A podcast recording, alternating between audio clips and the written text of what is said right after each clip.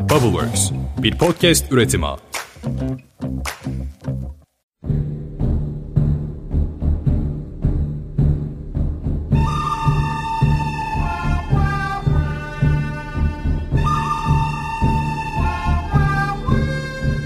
Merhabalar, Podcast Boşler'in iyi, kötü ve çirkin yanlarıyla remote working'i anlattığımız özel dosyamızın 3. bölümüne hoş geldiniz.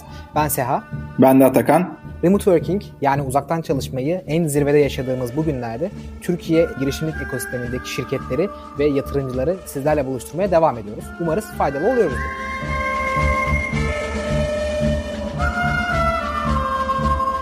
Ben bölüme geçmeden önce bir şey söylemek istiyorum. Bu dosyayla ilgili gelen geri bildirimler için de ayrıca çok teşekkürler. Ve aramıza pek çok yeni dinleyicimiz katıldı. Onlara da Boş İşler ailesine hoş geldiniz demek istiyoruz. Bu bölümde de Boş İşler dinleyicilerinin yakından tanıdığı Alotek ortaklarından İdris abi ve Korhan abi bizimleydi. Ayrıca bir diğer konumuz da Galata Business Angels'tan Ata Uzun Hasan oldu. Çok keyifli bir sohbet oldu bizim için. Umarız sizler de beğenirsiniz. Seha istersen vakit kaybetmeden konuklarımızı dinlemeye başlayalım. Başlayalım.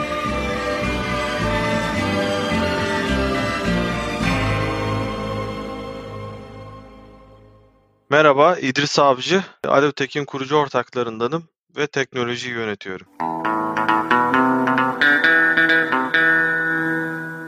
Merhabalar, Korhan Erçin, Alotein ortaklarındanım. Türkiye tarafında satış, pazarlama ve proje ekiplerinden sorumluyum.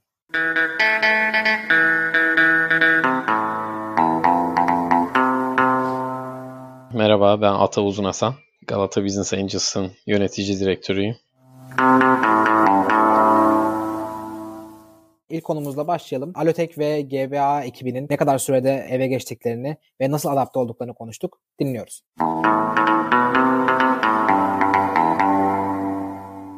Ben başlayayım. 14 14 Mart gibi bu olayın ciddiyetine artık ikna olunca hızlıca üç ortak Cenk Korhan ben konferans yaptık ve dedik ki biz bu kararı hızlıca verelim. Ekibe duyurduk ve geçtik. Burada tabii öncesinde bir planlama yapmamıza gerek kalmadı. Hemen ertesi gün geçebildik. Çünkü biz bir bulut şirketiyiz. Bulut hizmetleri dizayn ediyoruz, tasarlıyoruz ve müşterilerimize bu konuda hizmet veriyoruz. Bütün şirkette kullandığımız araçlar da bulut tabanlı olduğu için ekipleri müşterilerimizi hafta sonu bir duyuruyla eve gönderdik ve pazartesiden itibaren herkes evden çalışmaya başladı.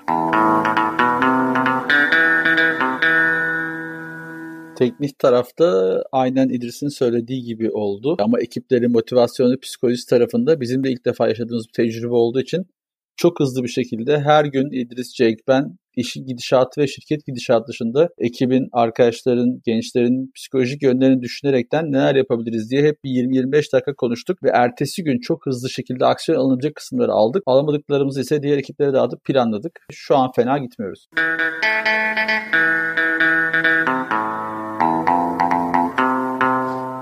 Şöyle oldu. Benim bu ilk koronavirüsle karşılaşma hikayem şöyle aslında. Bizim çok sevdiğimiz bir arkadaşımız var. Uluslararası bir şirketin üst düzey yöneticisi. Kendisi belli bir süresini Şangay'da geçirdi Çin'de. O bizi bir ziyarete gelmişti ama yani Allah'tan direkt Çin'den gelmedi. Norveç'e geçmişti. İşte geldi burada konuşuyorduk böyle bir arabada bir yere giderken. İlk duyduğum hikaye şuydu ve çok enteresan gelmişti. Dedi ki Şangay'da yani Huan'la Şangay arası bayağı bir mesafe burada. Şangay'da herkes evde dedi. Orada bir şüphelendim ben dedim ya bir dakika burada bir anormal bir durum var. Ama yani yeterince de şüphelenmemişim açıkçası. Çünkü o zaman daha fazla araştırmaya başlardım. Ben işte 10 Mart'tan önce zaten hastaydım böyle dedim ya burada bir anormallik var. Dolayısıyla evde kalmaya başlamıştım zaten Mart'ın ilk haftasına itibaren. 10 Mart'ta da zaten bu haber gelir gelmez biz direkt evden çalışma kararı aldık. Bizim zaten yatırımcılarımız her zaman ofise gelmiyorlar. Belli toplantı günlerimiz oluyor. İlk aldığımız aksiyon da aslında Mart ayındaki toplantıyı iptal etmek oldu. 10 Mart'tan beri de resmen biz ekip olarak hatta bizim bütün yatırımcılar da evden çalışıyorlar.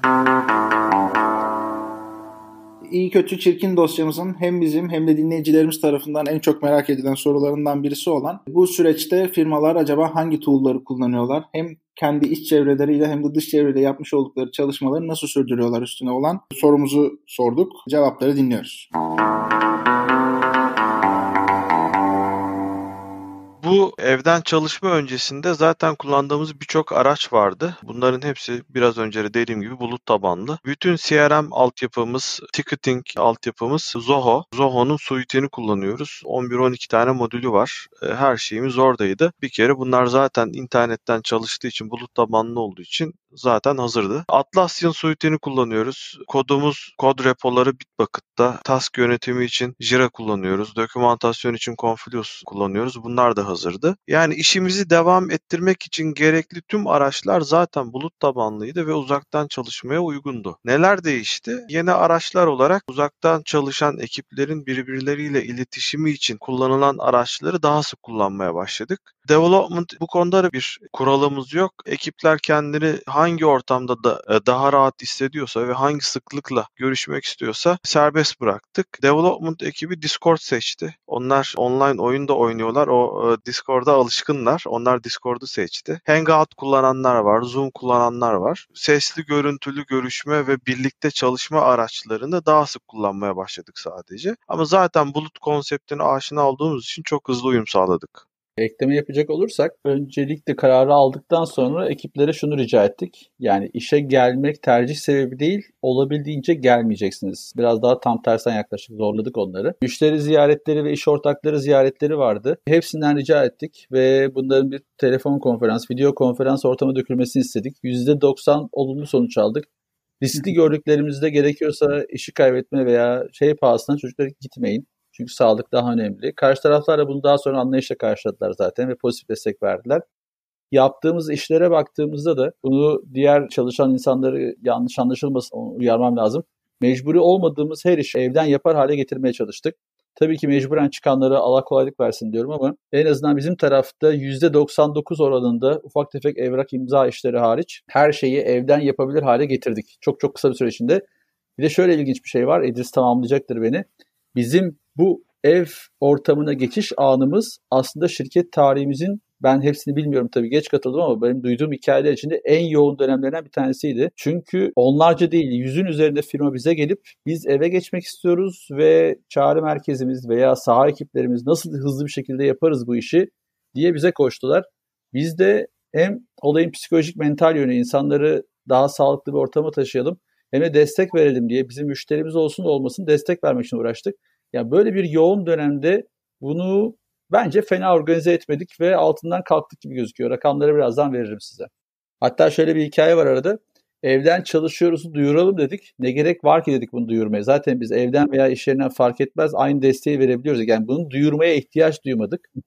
Ve Süper. müşterilerin çoğu hissetmedi bunu aslında ofisten olup olmadığımızı. Çok basit bir rakam da vereyim ben size siz Hı-hı. sormadan. İdris'te böyle bakıyoruz arada Cenk'le üçümüz. Şu ana kadar bu iki gün öncesinin rakamı kusura bakmayın. iki gündür update edemedim.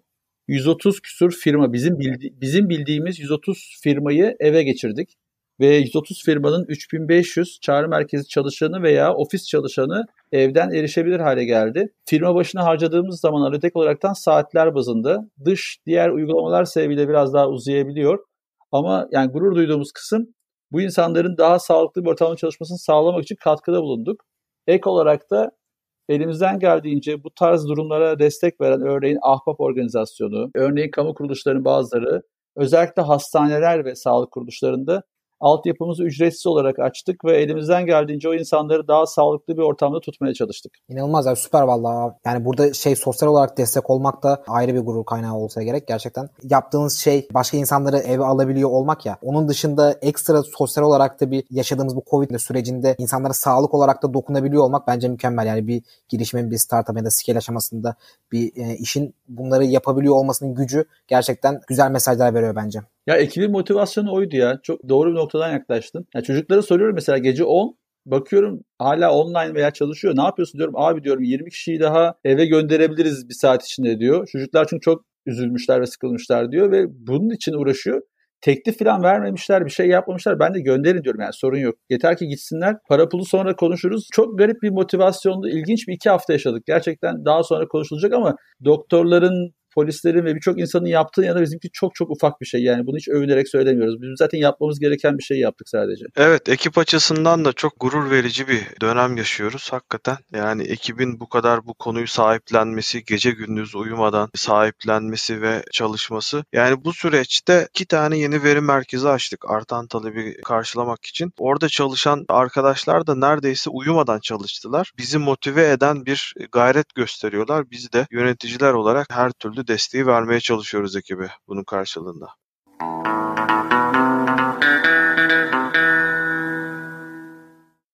Ya bence Trello olmazsa olmaz. Çok işe yarıyor. Çünkü aynı anda iki kişi ya bir projede neredeyiz'i kontrol etmek istediklerinde çok verimli sonuç yaratıyor Trello. Zaten yani biliyorsunuz bu bir buçuk iki sene önce satın alındı Atlassian tarafından. Yani bir şekilde bir hayatımızda Microsoft gibi bir yere gelecek diye düşünüyorum Atlassian grup olarak. Trello'yu da daha fazla kullanmaya başlayacağız. Ben tabii çok ciddi bir Hangout faniydim. Daha çok Hangout kullanıyordum. Çünkü Zoom'un 40 dakikada kesilmesi hiç hoş olmuyordu ama Zoom bir şekilde bu dönemde çok iyi yayıldı. Nesi iyi Zoom'un diye baktığımda ya interface'i biraz daha iyi ve daha az takılıyor. Gerçekten bir sürü kişi video ile bağlandığında daha iyi performans veriyor. Ama tahminim Google'da buna hızlıca cevap verecek. Hangout'ta bir vazgeçilmez bir şey olacak ama dediğim gibi yani zaten Zoom'la Hangout'u çok sık kullanıyorduk. Yani hayatımızdaydı o. O anlamda çok değişmedi. Slack bizim pek kullandığımız bir şey değil. Neden derseniz veya bir jenerasyon farkı olabilir. Biz de yatırımcılarla konuştuğumuzda yani işte Slack üzerinden yapalım bazı konuşmaları. E, çok kolay gelmedi yani. Interface'i biraz daha hani developer kafasında gibi geliyor bana da. Ya ben kullanmayı çok seviyorum Slack'i ama GBA dünyasında kullanmadığımız bir şeydi. Benim duyduğum girişimcilerimizden önemli bir tool olarak kullanan Time Doctor tool'u. Bu hem productivity'yi çok iyi takip etmelerini sağlıyormuş hem de employee tracking çok iyi sağlıyor. Ben pek kullanmadım kullanmadım dediğim gibi onu. Bazılarının işte VPN tanıdığınca ihtiyacı oluyor bu konularda. Bir de bence bizim yani gururla aslında söyleyebileceğim portfolyodaki şirketlerden bir tanesi. Alotek bu dönemde özellikle çağrı merkezi olanlara şöyle bir çözüm sundu. Gidip evlerden de çağrı merkezi hizmetlerini verebilirsiniz dedi. E zaten cloud üzerinde çalışıyordu bu sistem. O zaman yani neden bir fiziksel lokasyon ihtiyaçları olsun ki diye düşündü bir sürü firma. Kendileri gelip hatta Alotek'e sormuşlar. Alotek de şu anda çağrı merkezi çalışanlarının evde kalmasını sağladı. Bu bence yıkıcı bir değişiklik de olabilir. Yani çağrı merkezleri biliyorsunuz çok ciddi altyapı ihtiyaçları olan hem de metrekare olarak çok yer kaplayan fiziksel yapılar. Bence hani derseniz bundan sonra ilk değişiklik ne olacak? Yani çağrı merkezleri bundan direkt etkilenecek. Yani insanlar evlerinden yapabilecekler gibi geliyor bana. Hatta zaten çağrı merkezinin yerini yavaş yavaş biliyorsunuz bu chat konusu da alıyor. Alotek onu da sağlıyor. Dolayısıyla hepsini zaten cloud üzerinden bir yerden takip edebiliyorsa yönetici bence burada disruptive bir değişiklik göreceğiz. Yani bizim adımıza Alotek için de sevindirici bir gelişmeydi bu.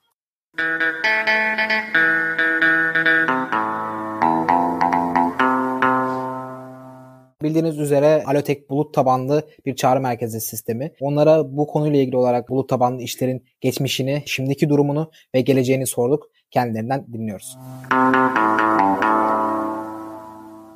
Ya bulut şimdiye kadar güvenlik açısından çok böyle sorgulanan bir teknolojiydi. Bir kere bunun öyle olmadığını hepimiz gördük, ikna olduk. Yani biz zaten bulut altyapısı geliştiren bir şirket olarak bunu uzun zamandır müşterilerimize anlatıyoruz. Ne gibi güvenlik önlemleri aldığımızı, işte bütün datayı uçtan uca kriptoladığımızı, hem sesi hem datayı kriptolu şekilde taşıdığımızı anlatıyoruz. Sertifikalarımız ve altyapıdaki diğer bileşenleri gösteriyoruz. Ama bu hep böyle şüpheyle yaklaşılan anlatılan işte ya bizim olsun, burada olsun, veri merkezinde olsun denilen bir konuydu. Bir kere bu bu bakış açısı e, çok hızlı bir şekilde değişecek bence. Bulutun önü çok açılacak. SaaS e, uygulamaların önü çok açılacak. Dolayısıyla hani şimdiye kadar böyle tutucu davranan, muhafazakar davranan IT'lerin bu tarafa doğru hızlıca kayacağını düşünüyorum. Ben İdris senin üzerine ekleme yapayım. Ben daha acımasız olayım. Ya Bulut şu ana kadar üvey evlattı teknolojik anlamda. Ama Hı. mesela ben gittiğim seminerlerde, eventlerde şunu soruyorum. Müzik dinlemek için ne kullanıyorsunuz diyorum. Spotify. Film izlemek için abi Netflix, Amazon Prime falan. Niye diyorum plak CD dinlemiyorsunuz, kaset dinlemiyorsunuz veya niye gidip de televizyon normal şey izlemiyorsunuz? Abi çok işte rahat. E buluttan bunları yapıyorsanız yani aslında genel hayatınıza bulutu bu kadar rahat sokmuşken niye iş hayatınıza sokmuyorsunuz? O yüzden Maalesef ki maalesef üzülerek söylüyorum korona sebebiyle Bulut bir anda üvey evlat olmaktan ana evlat haline geldi. Üzüldüğümüz kısım bu. Kesinlikle. Bence önümüzdeki dönemde şöyle bir sendrom yaşanacak. Şirket yöneticilerinden daha vizyon, ileri görüş veya o alt jenerasyona saygı duymanın da farklı bakanlar onların isteklerini karşılar şekildeki teknolojilere geçecekler iş hayatlarında. Yani Spotify, Netflix evimize girdiyse ben şöyle bir örnek vereyim. Yemek sepetinde 11 yılım geçti. Yemek sepeti ilk başta iş yerleriyle başladı 2005'e kadar. İş yerlerine çünkü internet çok yaygındı. Daha sonra eve girdi. Ne zaman girdi? ADSL eve girince yemek sepeti eve girdi. Şimdi burada tam ters söz konusu. Bulut önce evlere girdi. Spotify'lar, Netflix'lerle insanların mobil cebe girdi. Şimdi tersten maalesef korona sebebiyle iş yerlerine girdi. Ve bütün yazılımlarıyla sadece çağrı merkezi yazılımı değil, mesajlaşmadan tutun her konuda herkes buluta alışacak ve bence 4-5 yıl sonra bulut olmayan şeyler üvey evlat haline gelecek. Gördüğüm bu benim. O yüzden biz çağrı merkezlerinin Spotify'ız, Netflix'iz söylemimi tekrar burada kullanmak istiyorum.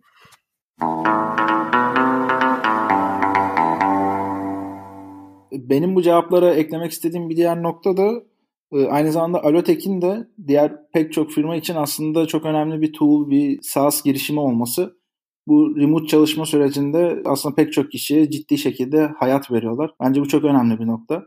Şimdi de melek yatırım ağlarının hem yatırım yapmış oldukları girişimler hem de bu ağlara fon sağlayan yatırımcılar açısından evde kalma sürecinden nasıl etkilendiğini ve bu süreçleri nasıl yönettiklerini Ata abiden dinliyoruz.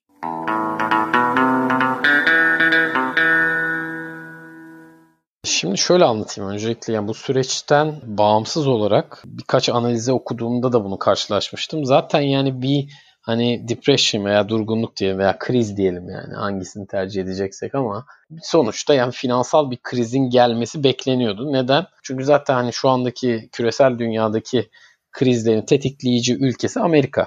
Amerika'da bir kriz olduğunda hepimiz bundan etkileniyoruz. Ve ortalamaya baktıklarında işte 1946'dan beridir yaklaşık 5 yılda bir Amerika'da hep kriz olmuş. Bu tabii biraz hani standart sapmayla beraber 7 yıla 8 yıla çıktığı olmuş ama şimdi bu en son 2008'de işte mortgage krizi var. Biliyorsunuz Amerika'da o zaten yani büyük bir dalga olarak geldi. E onun üzerinden neredeyse 11-12 yıl geçti ve sonuç olarak da bir şey görmedik yani kriz olarak küresel bir kriz görmemiştik. Yani bu gelecekti bu kriz zaten. Yani hani koronavirüsü bir kriz yarattı doğru ama sadece katalizör olarak doğru. Yani bu kriz bir şekilde olacaktı yine. O benim düşüncem açıkçası. Yani bir şekilde yavaşlayacaktık ki zaten ya birkaç hani bubble görmeye başlamıştık yani tam Türkçesi bulamadım ama yani köpük görmeye başlamıştık. Yani bu WeWork olayı, işte Uber'in beklentilerinin çok altında kalması yani yatırımcılar bu paraları böyle yani çok büyük paralar veriyorlar yani yatırım yaptıkları tutarlar çok büyük şirket değerlemeleri yani işte Uber kaç konuşuyorduk 51 milyar dolar konuşuyorduk yani. Tabii, Ve tabii. Iki, iki hafta içerisinde 10 milyar dolara indi. Yani o 40 milyar dolar nereye gitti? Yani bunlar sonuçta tek Uber de değil ondan sonra. Dolayısıyla yani buradan bir balonun olduğu gözüküyordu zaten. Ha, ne oldu ama bir katalizör etkisi oldu bu şimdi bu e, koronavirüsle beraber. Ve tabii ya en küçük birimden, Kobi'den, restorandan, kafeden en büyük şirketlere kadar hepimiz aynı anda etkilendik. Belki yani ya burada hani diğer krizlerden farklı olan unsur ne diye sorarsanız aynı anda etkilenmemiz bence. O enteresan oldu hepimiz için. Bizim portföydeki şirketleri de iki tane unsur bazında değerlendirdik aslında. Birincisi bu koronavirüs ve işte ardından gelecek olası finansal kriz bu işin geleceğe gitmesi için engel mi değil mi? Yani artı etkilediği de oluyor Alotek'teki gibi negatif etkilediği de oluyor. Yani mesela bizim portföyde en çok etkilenen şirket bir Yunan girişimcinin kurduğu Welcome Pickups diye bir iş. Kısaca şöyle düşünebilirsiniz. Havalimanından yolcuyu karşılayan, ona kazık atmaya tenezzül etmeyen kaliteli şoförlerin bulunduğu bir Uber hizmeti. Ve bu bayağı ciddi bir iş. Yani 3.2 milyon euro karı olan bir işten bahsediyoruz geçen sene. O çocuğun bana söylediği yani biz dedi 8 aylık runway'imiz varken yani 8 aylık cebimizde para varken onun e, bir hafta içerisinde 2 haftaya düştüğünü gördük dedi. 8 aydan iki haftaya. İnanılmaz. Bir. İnanılmaz bir şey yani öngörülemez bir şey. Yani o 8 ve diyor ki mesela geçen seneki performansımızın eksi %95 yazdık diyor. Yani neredeyse sıfıra indirmiş cirosunu. Bu çok yıkıcı bir konu olmuş tabii o ekip için. Bu kadar dramatik olmasa da benzer hikayeleri yaşayan girişimlerimiz çoğunlukta yani. Dolayısıyla ya bugün ya ben girişimci olarak bundan çok etkilendim diyen girişimciler kendilerini yalnız hissetmesine yani çoğunluk orada gerçekten. İstisnai olarak dediğim gibi bazı girişimlerimiz doğru yerde doğru zamanda oldukları için veya böyle ellerindeki yapıyla pivot etmeye cesaret edebildikleri için ufak değişiklikler ama bu çok radikal şeyler değil. Daha ümit verdiler bize. Birinci baktığımız konu buydu yani. Bu genel olarak koronavirüs ortamında yaratılan krizden nasıl etkileniyor? Pozitif mi negatif mi? Pozitif kim etkilendi diye de sorabilirsiniz. Pozitif tabii evde zaman geçirmeye yönelik olan herhangi bir tool hem iş anlamında hem de e, günlük tüketim anlamında herhangi bir tool çok işe yarıyor. Özellikle benim gibi evde iki çocukla kapandıysanız eve başka bir hayat var ve onları bir şekilde oyalamak zorundayız. Ben kendimi hiç daha önce böyle işte iPad'de dur bakayım çocuğun eğitimi için hangi uygulama daha iyidir ona ne kadar para vereyim diye analiz yaparken bulmamıştım ve evet bu dönemde buldum. E, dolayısıyla bizim Otizmo diye bir girişimimiz var. İşte otizmli çocukların eğitimini demokratik hale getiren bir girişim. E, bu dönemde otizmli çocuk sahibi olan e, ebeveynler bu uygulamaya daha çok ilgi göstermişler. Normalin işte 5 katı daha fazla ciro yapan bir startup haline geldi. Bazen de dediğim gibi yani şans girişimcinin yanında olabiliyor. Ama bazıları da o pivotu yapabiliyorlar. Yani mesela Mutlu bir ev var bizim yine girişimimiz. Yani ev temizliğini kimse evden içeri biri- birisini almak istemiyor. Yani bana da sorsanız işte bir temizlikçi ablamız var getirelim de yani getirme yani tercih etmem. Çünkü siz de biliyorsunuz bu koronavirüste semptom göstermeden taşıyıcı da olunabiliyor. Çok büyük bir risk. Bunu da almak istemiyoruz. Yani belki de taşıyıcı biziz burada. Yani ben de başkasına bulaştırmak istemiyorum. Dolayısıyla ne yaptı Mutlu Bey'e? Biz dedik ki burada ufak bir pivot yapalım. Evleri steril etmeye gidelim veya ofisleri steril etmeye gidelim. Dolayısıyla işte maskeli, koruma kıyafetli kişiler gidip ofisleri, evleri şu anda steril ediyorlar, dezenfekte ediyorlar yani daha doğrusu. Böyle pivot yapanlar da var. Biz nasıl destek oluyoruz diye sorarsanız yani bir öncelikle yani bu hani kriz ortamında refleks olarak birçok yatırımcı sadece melek yatırımcılar değil VC'ler de öyle. Öncelikle önlerindeki portfolyoyu korumak istiyorlar. Bunun sebebi de şu yani hani daha iyi fırsat gelemez mi diye sorabilirsiniz. Gelebilir tabii ama şöyle bir şey var yani o fırsat bugün mü yoksa 3 ay sonra mı gelse daha iyi olur. Şimdi eğer 3 ay boyunca aşağıya giden bir piyasada olacaksak ki bunu bilmiyoruz işte en büyük soru işareti bu hepimizin aklında olan. 3 ay sonra ben daha düşük bir değerlemeden girerim o girişime. O zaman neden beklemeyin diye söylüyor şu anda bir sürü yatırımcı. Dolayısıyla yani bu krizden büyük darbeyi yiyen mevcut portföydeki şirketleri kurtarmak daha önemli. Çünkü önemli olan günün sonunda portföyün değerini korumaya çalışmak. Biz şu anda bütün içerideki girişimcilerimizle bir ortak bir öncelikle WhatsApp grubu kurduk. Yani hem bütün girişimcilerimiz orada kurucular hem de bütün yatırımcılar orada. Yani dolayısıyla yani böyle bir bilgi akışını kolaylaştırabilecek, soru cevabı hızını arttırabilecek bir platform oluşturduk. Birinci yaptığımız buydu. İkinci olarak da her biriyle birebir de görüşme yapmaya başladık. Yani o şirketin yatırımcıları ve o şirketin founder'ı veya co-founder'ı Orada da hakikaten enine boyuna işi yatırdık. Yani neye ihtiyacı var? Ayakta kalmak için ne yapması lazım? Biz nasıl yardımcı olabiliriz? Yatırım yapsak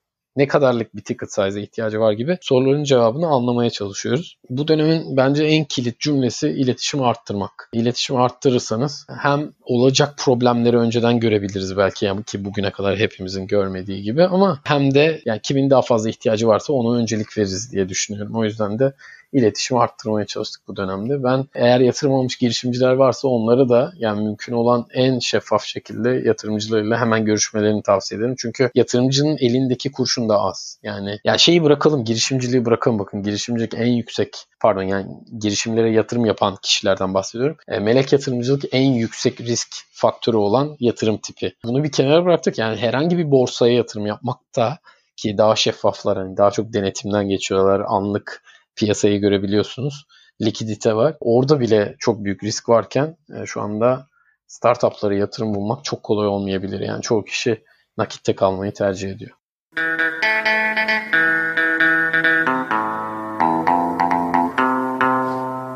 Türkiye'de aklınıza gelebilecek olan birçok şirketin müşteri hizmetleri servisini Alotek sağlıyor. Alotek aynı zamanda sadece Türkiye'de de değil, yurt dışında da hizmetleri bulunuyor. Chatbot teknolojileri var. Bu konuyla ilgili gelişmeleri kendilerine sorduk. Söz Alotek ekibinde. Tabii bu eve gidişle beraber birçok müşterimize yoğun şekilde talep de gelmeye başladı. Özellikle lojistik firmaları, e-ticaret firmaları, müşteri temsilcileri bu talebi karşılamakta zorlanıyor. Onun için de self servis uygulamaları çok daha yoğun konuşulur hale geldi. İşte buradaki en önemli araçlardan biri de chatbotlar. Biliyorsunuz bizdeki chatbot altyapısı hem yazılı hem de sesli olarak kullanılabiliyor. Yoğun bir şekilde chatbot geliştirmeye devam ediyoruz. WhatsApp hayatımıza daha çok giriyor. WhatsApp çok yaygın kullanılan bir kanal haline geliyor kurumlar tarafından. Jenerasyon değişimiyle yani bu milenyılların artık e, müşteri olmaya başlamasıyla beraber insanlar konuşmak yerine yazışarak iletişim kurmayı çağrı merkezleriyle veya iletişim merkezleriyle yazışmayı tercih ediyorlar. WhatsApp kanalı da çok hızlı bir şekilde ilerliyor, büyüyor. Yani birçok müşterimizden son bir senede e, aldığımızın 5-6 katı talebi. Korhan'da daha net rakamlar var. Son bir ay içinde aldık herkes WhatsApp kanalını açıp oradan hizmet vermeye çalışıyor ki doğru strateji de bizce bu. Çünkü insan hayatını çok kolaylaştıran bir tarafı var. Yani IVR'da hatta beklemek, sıra beklemek, işte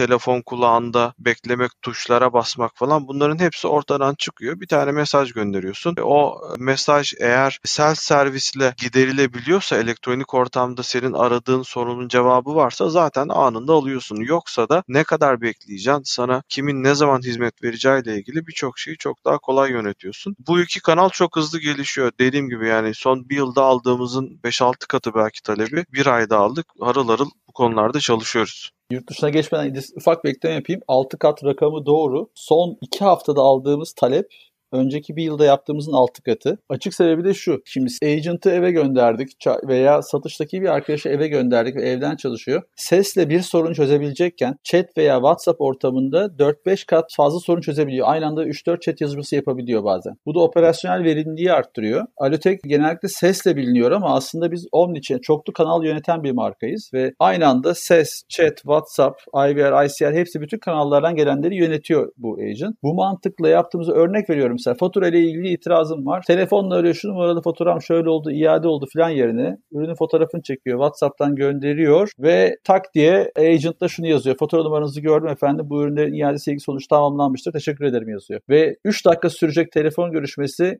belki de 40 saniye içinde bitiyor. Çok acayip bir seviyeye getirdik onu. Şu anda talep gelmesinin sebebi o. Yurt dışına gidecek olursak, yurt dışında biz şöyle bir iş bölümü yaptık. Ben katıldıktan sonra sağ olsunlar Cenk Edis beni kabul ettiler. Hem ortak olarak hem de bir yönetici olarak da. Ya böyle konuştuğuna bakmayın çok uğraştık Korhan'ı ikna, yok, yok. ikna edebilmek için yani. Yok, yok. Tevazu gösteriyor ama. yok, yok. Ben hazıra kondum. 8 yıllık birikim üzerine hazıra kondum. Yalan yok. Süper. Şöyle, şöyle bir nokta var. Dedik ki Türkiye tarafındaki iş, işi bana aktarsın Cenk. Türkiye tarafı satış proje pazarlamayı ben üstüme aldım. İdris zaten IT yazılım tarafı ve götürüyor, devam ediyor ve ürün product tarafını daha da kuvvetlendirebildik.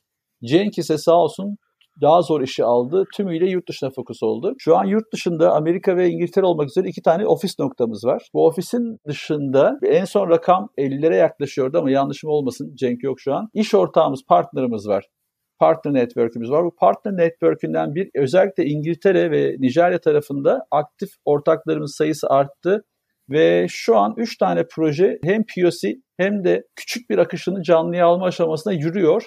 Yine maalesef diyorum korona sebebiyle bazıları çok hızlandı. Mesela İngiltere'de şu an 1400 çağrı merkez çalışanı olan bir yapı hızlı bir şekilde buluta geçmek istiyor.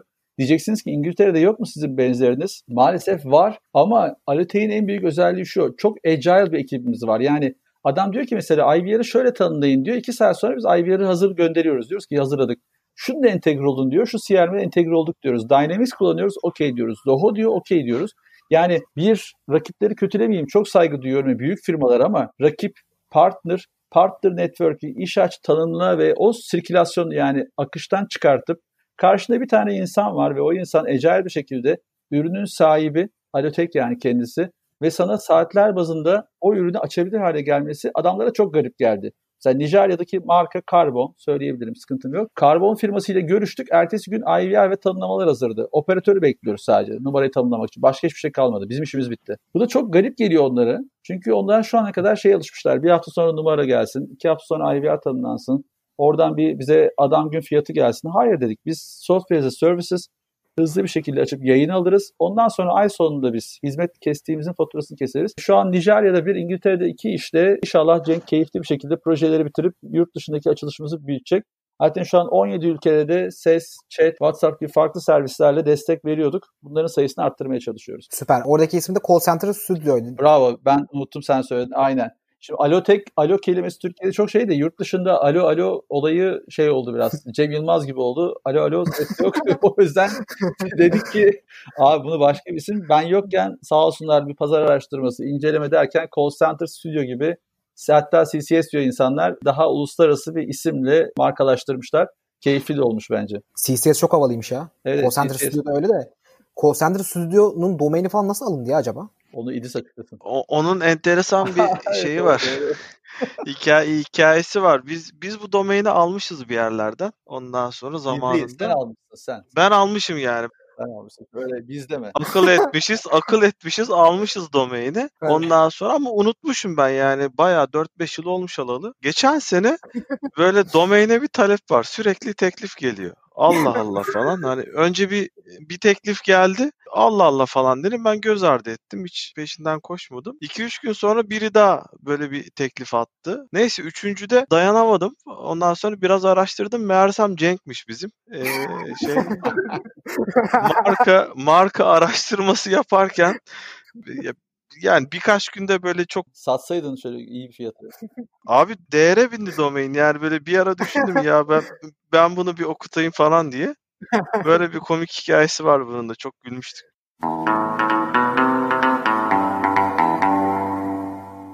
Şimdi Alotek ekibiyle devam edecek olduğumuz bir başka sorumuz var. Kendilerinde söylediği gibi zaten çok sayıda müşterileri var ve bu müşterilerinin de eve geçiş süreçleriyle birebir şekilde ilgileniyorlar. Burada da aslında ciddi şekilde bir yükü taşıyorlar. Dolayısıyla biz de şunu sormak istedik. Yani bu geçiş süreci o firmalar için nasıl oldu? Ne gibi feedbackler aldınız? Bunu anlatır mısınız dedik. Birebir örnekleriyle hatta kendi yaptıkları webinarlar üstünden yola çıkarak güzel açıklamalar yaptılar. Keyifle dinliyoruz.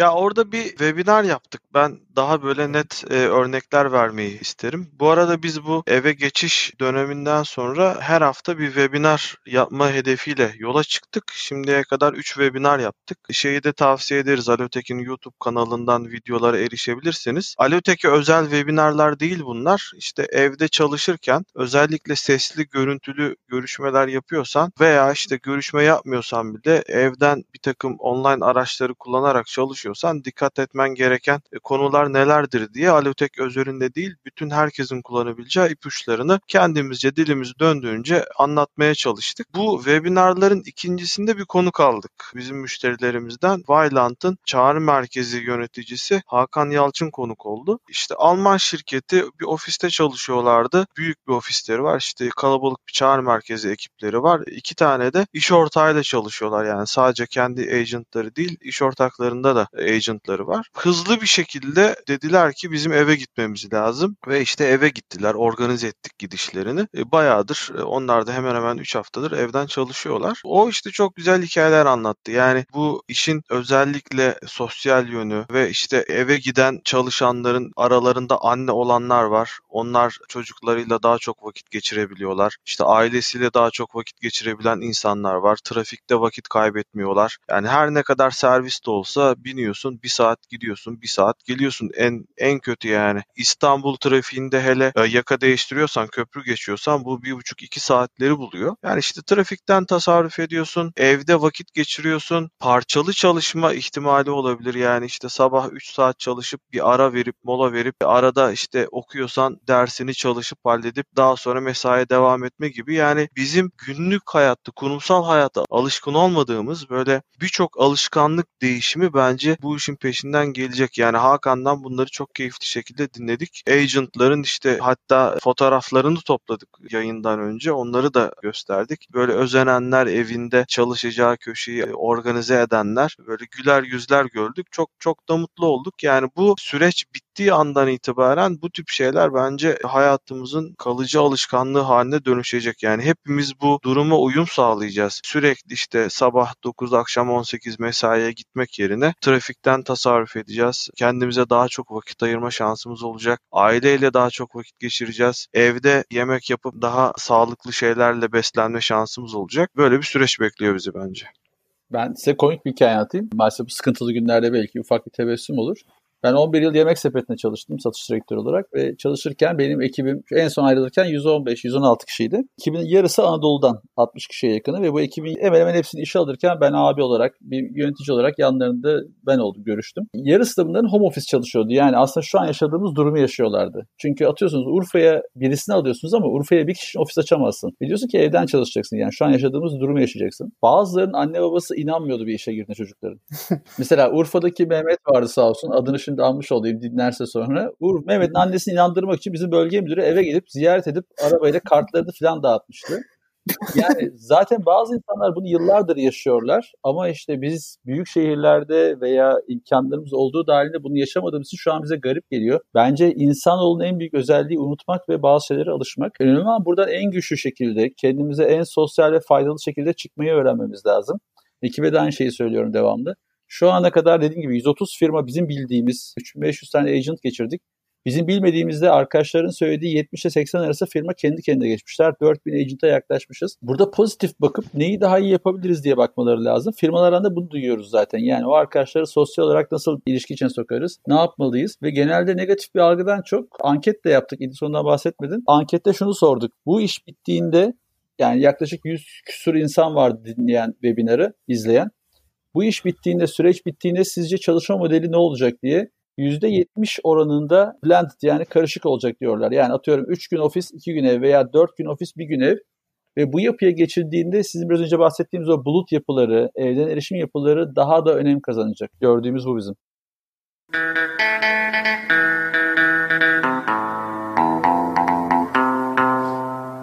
Galata Business Angels'ta ya da genel olarak yatırımcılık anlamında bu sürecin bir yıl devam etmesi durumunda nelerin öngörüldüğüyle ilgili bir sorumuz oldu. Cevabını Ata abiden dinliyoruz. Ya ben şöyle söyleyeyim ya şimdi biz ülke olarak aslında geçen sene bir böyle bir krizimsi bir şey yaşadık değil mi? Yani 2019'un başında ve işte seçim dönemi falan da geçirdik. İşte o biraz uzadı tartışmalardan dolayı. Ya dolayısıyla çok stabil bir yıl değildi mesela geçen sene bizim için. Ve yani Ocak'tan Eylül'e kadar ben çoğu kişinin kafasını tam toparlayamadığını gördüm. En azından Galata Business Angels içerisinde. Ama soru şöyle bir şey oldu. Ekim ayından itibaren hatta Eylül'de biraz sinyallerini aldık onun. Ekim ayından itibaren baktım bayağı bir yani yatırım iştahı arttı. Hem bizde hem diğer VC'lerde. Çünkü VC'ler biraz para toplamaya çalışıyorlardı Türkiye'de. Onlar da yani yavaş yavaş toplamaya kapattılar işte first closure'ları falan yaptılar. Yani dolayısıyla şöyle bir şey var burada. Yani ne zaman ki insan Nietzsche'nin dediği gibi yani biz şey alışan hayvanlarız. Yani alıştığımız andan itibaren aslında o bizim yeni normalimiz. Ve hani diyorsunuz ya bir yıl sürerse diye aslında orada yeni bir normal oluşmuş oluyor. Ha diyoruz ki demek ki evde yaşamak, demek ki ofise gidilmiyor artık böyle olacak. Ha demek ki bir startup dinliyorsak online dinleyeceğiz noktasına geldiğimiz noktadan bahsediyorum. Yani e, o kaç ay sürer ama tabii yeni normale alışmamız işte 3 ay mı 4 ay mı 5 ay mı yani o bir yılın belki tamamında normale alışamayacağız. Ama benim tahminim yani 6 ay sonra veya 5 ay sonra eğer illaki o kadar uzun sürecekse biz o yeni normale alışmış olacağız ve ondan sonra da bu dönemde ama tabii yani şimdi onu da söyleyeyim yani Şubat ayında çok iyi performans gösteren bir startuptan bahsetmiyorum burada. Yani onun dünyası değişti çünkü artık. Ya örnek veriyorum mesela bizim portföyde de var. Enterprise'a satışa giden yani Kobi'den büyük şirketlere satışa giden startuplar çok zorlanıyorlar yani. Çünkü onlar da bilmiyorlar yani hep yüz yüze satış o hani abi çay içelim kahve içelim muhabbetiyle satıştan bahsediyorum. Yani o kapandı o devir belki.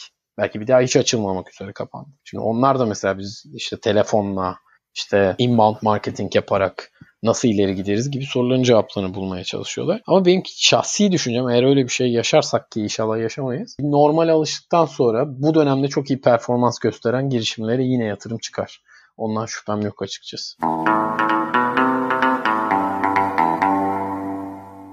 Evet biliyorsunuz normalde bu dosyada herkese sormuş olduğumuz aslında klasik 3 aşağı 5 yukarı aynı sorular var ama burada bir farklı bir şeyi de merak ettik. Onu da sormak istedik. Ee, o sorumuz da şu oldu. Şu anda hastanelerdeki call center yapıları ne durumda ve hastalar istedikleri durumda sağlıklı bir şekilde erişebiliyorlar mı? Ve bu konuda hastanelerde çalışan kişiler evde mi? Nasıl, ne şartlar altında çalışıyorlar diye bir sorumuz oldu öteki. Şu anda dinliyoruz.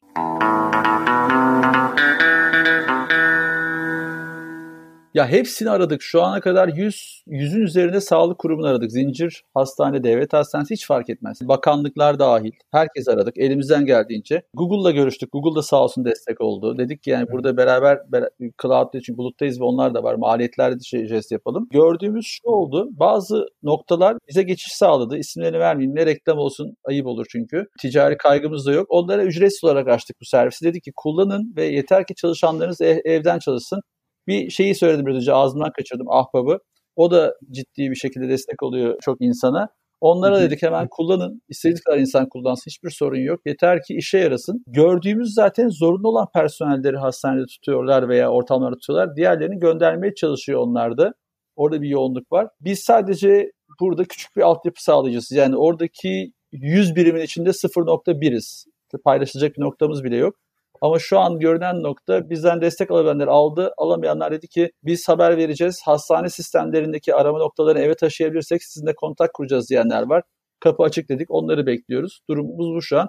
Bazı belediyeler mesela Kocaeli Büyükşehir Belediyesi ilk buluta geçen ve ilk bunu eve taşıyan belediye oldu. Bizim altyapıyı kullanıyor. Yani şöyle söyleyeyim size. İnsanlar eve geçmeyi tartışırken Kocaeli Büyükşehir Belediyesi evden ambulanstan tutun sağlığa kadar birçok desteği verebilir haldeydi. Saatler içinde biz onları eve taşımıştık. Ve zaten haber programlarına çıkan ilk belediye oldu o anlamda. Bunlar sosyal medyaya yansıdığı için söyledim. Diğerleri isim olarak gizli kalsın. Elimizden geleni yapıyoruz.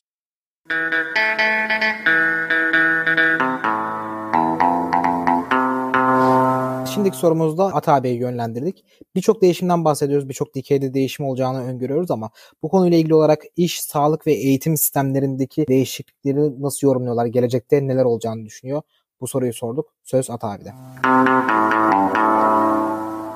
Öncelikle insanların hassasiyeti artacak. Yani işte bu kayıttan önce ufak bir sohbet ettik ya orada konuşmuştuk. Yani insanların vereceği tepkiler bence çok değişecek. Yani sosyolojik ve psikolojik olarak ben derinden etkileneceğimizi düşünüyorum. Bu olumlu da olabilir, olumsuz da olabilir. Olumlu neye göre olumlu diyorum diye sorarsanız, ya mesela veba salgını sonrası kıta Avrupa'sında Rönesans başladı. Ya bunun tabii yani faktörleri bugüne çok benzemese de ama yine de yani dünyayı değiştirebilecek bir hareket başlamıştı.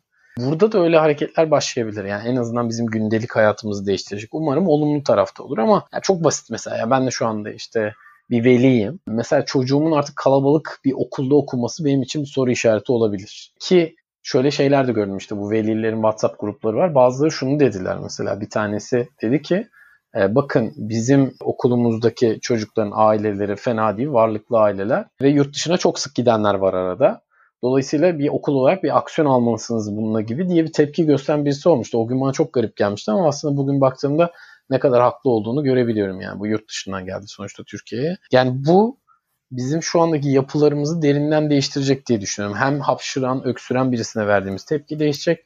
Hem mevcut sistemde işte okul yapısının ya aslında online'da çocuklar çok da iyi eğleniyormuş. Hadi bunun bir kısmı da online'da olsun dediğimiz gibi yapılar olacak. Ama benim şahsi düşüncem böyle dönemlerden sonra en çok etkilenen yapılar genelde en pahalı olan yapılar. Yani bugün mesela eğitimde en pahalı yapı nerede diye sorarsanız aslında MBA'lerde yani bu işte işletmeyle ilgili yüksek master yani yüksek lisans dediğimiz eğitimden bahsediyorum. Ki şu anda birçok öğrenci şey diyor yani ben zaten Udemy'den bu hocayı dinleyebiliyorum online. Yani niye bu kadar 300 bin dolar vereyim ki programın tamamına gibi değişik tepkiler görüyoruz. Ya burada eğitim tarafında ciddi disruption olacak. Sağlık tarafında şimdi şey çok konuşuluyor işte solunum cihazıydı, işte hastanelerde yoğun bakım üniteleriydi, oralarda yeni teknolojik gelişmelerin kapıları daha fazla açılacak, daha iyi yatırım bulacaklar diye düşünüyor ama ya yatırımcı dünyası genelde şöyle bakıyor. Yani o bir pazar, iyi bir pazar, büyük mü? Fena değil.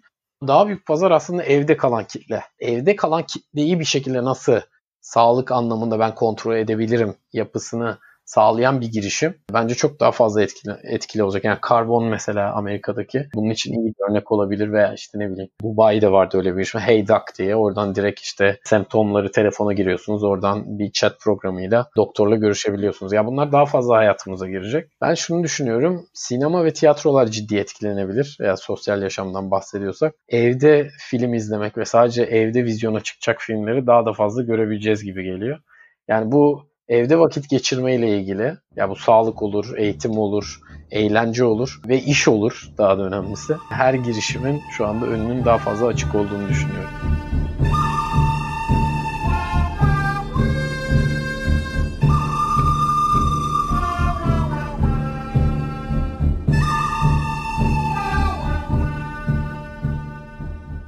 Evet, hepimizin bildiği gibi bu özel dosyamızın son sorusu olan Remote Working'in iyi, kötü ve çirkin yanları nelerdir? Sorumuzu sorduk. Cevapları hep beraber dinliyoruz.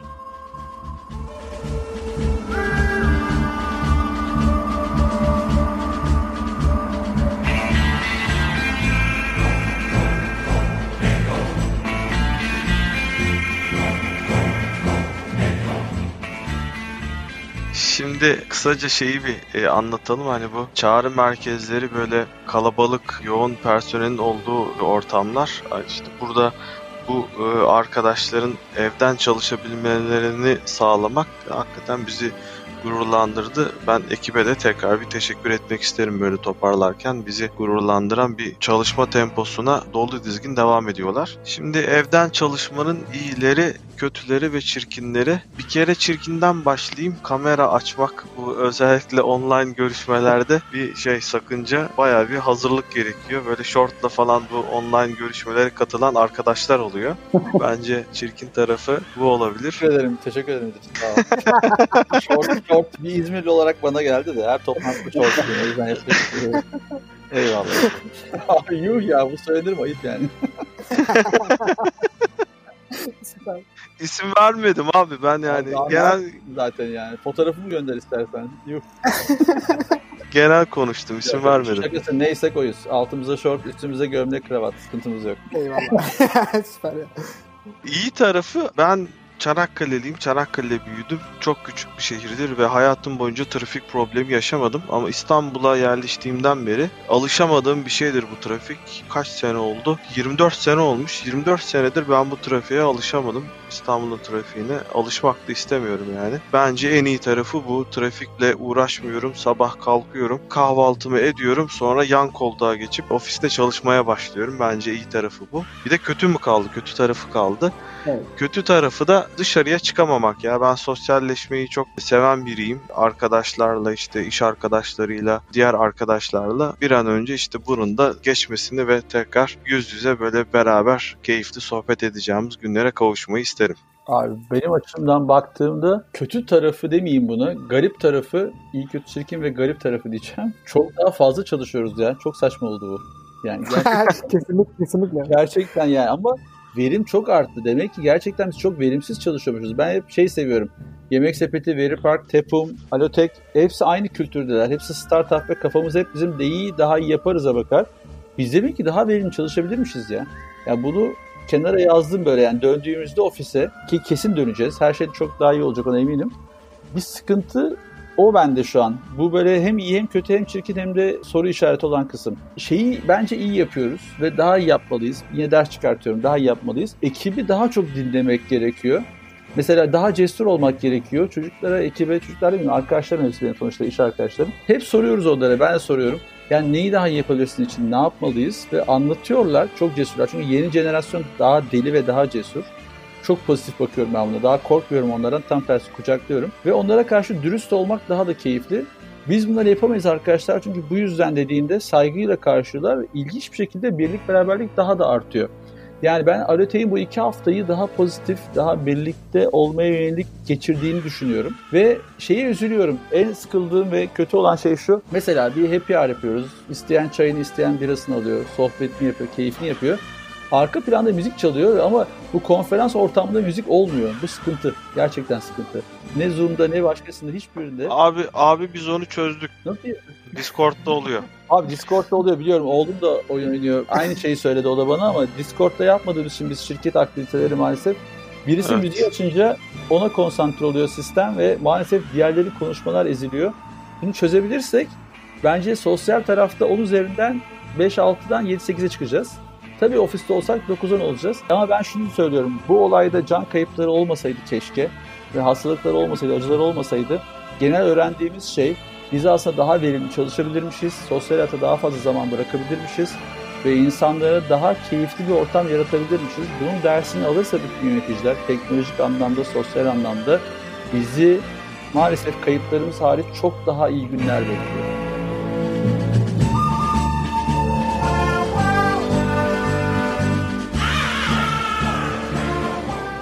Evde çalışmanın güzel yanı yani daha az distraction var. Eğer kendinizi kapatabileceğiniz bir ortamınız varsa. E, ofis ne olursa olsun yani telefonun da çaldığı, kapının da çalındığı veya bir toplantınızın olduğu bir ortam olabiliyor. E, ve şöyle oluyor genelde işte yani bir toplantıya gidecekseniz mesela bir yerden bir yere seyahat ediyorsunuz. Bu da en az yarım saatinizi alıyordu. Şimdi öyle öyle bir harcadığımız vakit yok. O bakımdan herkes çok avantajlı. Büyük ailesi olanlar için de bence aileyle vakit geçirmek için çok güzel bir zaman. Ee, Yani benim şahsen yani evde çocuklar var. Çocuklarla vakit geçirdiğim için aslında çalışma zamanım arttı. Yani onlar araya giriyorlar çünkü. Onlarla da ilgileniyorum çalışma arasında. Yani işte ne bileyim 6.30'a 7'ye kadar çalışırken o 9-10'a geldi ve 12'ye kadar çalıştığım da oluyor. Bence bunlar güzel kısımları. Kötü kısmı şöyle bir durum var. Tabii insan teması aslında her zaman önemlidir. Yani işte ben örnek veriyorum Atakan'ın omzuna vurup ya bunu nasıl yapıyorduk diye sorma işi 10 saniyelik iş etti artık 10 dakikalık bir iş yani Zoom'da bağlanmak işte ekran paylaşmak gibi noktaya geldiği için o bakımdan biraz daha yavaşlayacağız. Aklıma gelenler bunlar açıkçası şeyle ilgili, evde çalışma ile ilgili. Ama son olarak, son olarak şunu da söyleyeyim aslında yani fırsatları düşünmek için ama daha fazla vaktimiz var yani o yani yaşam kalitemiz aslında o waste ettiğimiz zamana göre o yolda geçen işte ne bileyim hani bölünmelerle geçen zamana göre çok daha fazla arttı. Dolayısıyla o da bizim yani geleceği, bugünü hatta daha fazla düşünmemiz için bize daha çok şans veriyor diye düşünüyorum. Bu da güzel kısımlarından bir tanesi. Ben evi daha çok sevdim en azından bu süreç sonunda.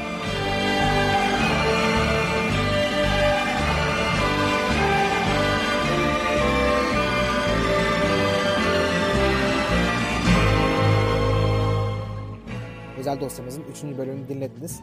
Bizi dinlediğiniz için çok teşekkür ederiz. Umarız sizin için de keyifli ve öğretici olmuştur. Çünkü tüm derdimiz aslında bu seriyi yaparken etrafta dolaşan bilgi kirliliğine birazcık olsun en doğru, en güzel çözümleri size sunmak ve olabildiğince bu konuda yetkin olan kişileri davet ederek sizlerle bir araya getirmeye çalışıyoruz. Onlar da sağ olsunlar bizi kırmayıp gelip burada vakit ayırıyorlar ve çok keyifli sohbetler ediyoruz. Kesinlikle. Konuklarımıza tekrardan bir teşekkür ederim. Buradan Cenk abiye de selamlar. Aletek diğer kurucularından Cenk abiye selam söyleyelim. Aynen. Konuklarımıza tekrar teşekkür ediyoruz. Ee, İdris abiye, Korhan abiye ve Ata abiye. Bir sonraki özel dosyamızda görüşmek üzere. Bize sosyal medya hesaplarımızdan ve Apple Podcast'ten bölümle ilgili geri bildirimlerde bulunabilirsiniz. Çok teşekkür ederiz. Teşekkür ederiz. Kendinize çok iyi bakın. Sağlıkla kalın.